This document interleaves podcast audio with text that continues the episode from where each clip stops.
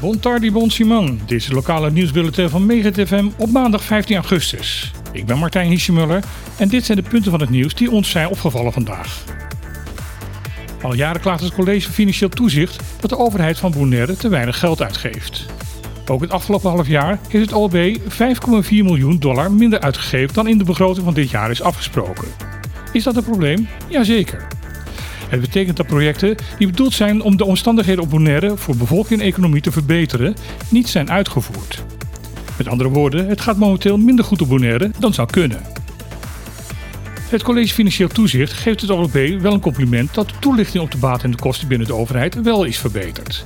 Maar zegt ook verbaasd te zijn dat deze overheid niet kan uitleggen waarom het afgelopen jaar minder is gedaan dan was afgesproken. Nu de nieuwe Tourism Entry Tax zoveel meer opbrengt dan de oude toeristenbelasting, is het niet ondenkbaar dat door deze extra inkomsten het bedrag aan onderbestedingen van de overheid het komende jaar alleen nog maar groter zal gaan worden. De handhaving van de overheid op dierenmishandeling en agressieve honden is ontoereikend. Dat is de mening van politiek leider van de NPB, Elvis Tiashu. Hij doet deze uitspraak naar aanleiding van berichten afgelopen week dat een hond door de eigenaar met een knuppel is geslagen en als gevolg daarvan is overleden. Tiashu zegt erover: Ik ben een grote liefhebber van honden, dus dit soort nieuws komt hard binnen. Bonaire blijft steeds opgeschrikt worden door incidenten met honden. De ene keer gaat het om mishandeling van dieren, de andere keer over bijtincidenten met honden. Voor Tiashu zijn deze zaken niet los van elkaar te zien.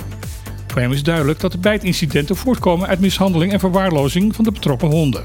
Daarom wil hij deze problematiek weer hoog op de politieke agenda zetten. In februari 2021 heeft hij daarover een motie ingediend, maar de uitvoering daarvan gaat hem niet snel genoeg. Hij wil dat de veiligheidsdriehoek van Bonaire, gezaghebber, politie en openbaar ministerie hier actiever in wordt. Twee weken geleden heeft de gezaghebber, naar aanleiding van een ander incident, gezegd dat de overheid wel wil ingrijpen, maar daar op dit moment niet de mogelijkheden voor heeft. Volgens de gezaghebber moeten daarvoor eerst nieuwe regels en verordeningen worden ingevoerd. In zijn reactie laat de fractievoorzitter van het NPB, Tina Shu, echter duidelijk horen dat hij het in deze niet met de gezaghebber eens is. En dat de huidige regelgeving voldoende mogelijkheden geeft om in dit soort zaken in te grijpen en actiever te handhaven. Vanaf 1 september moeten gebruikers van MijnCN rekening gaan houden met een verscherpte beveiliging van het online platform van de Rijksoverheid. Cybercriminaliteit wordt een steeds groter probleem en daarom moet ook de beveiliging van online diensten steeds worden aangescherpt. Gebruikers van het MijnCN-platform moeten daarom dus, wanneer ze na 1 september inloggen, eerst een zogenaamde twee-factor authenticatie uitvoeren om hun account opnieuw te activeren.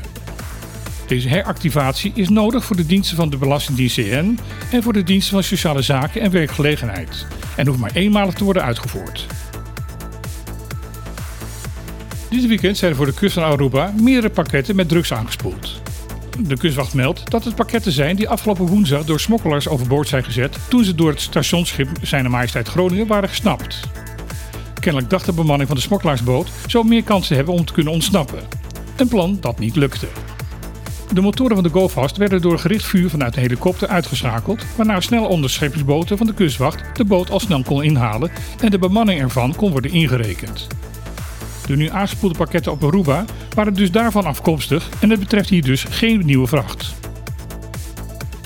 Dit was het lokale nieuws van vandaag. De nieuwsredactie van Mega TV wens u nog een hele mooie dag en graag tot morgen.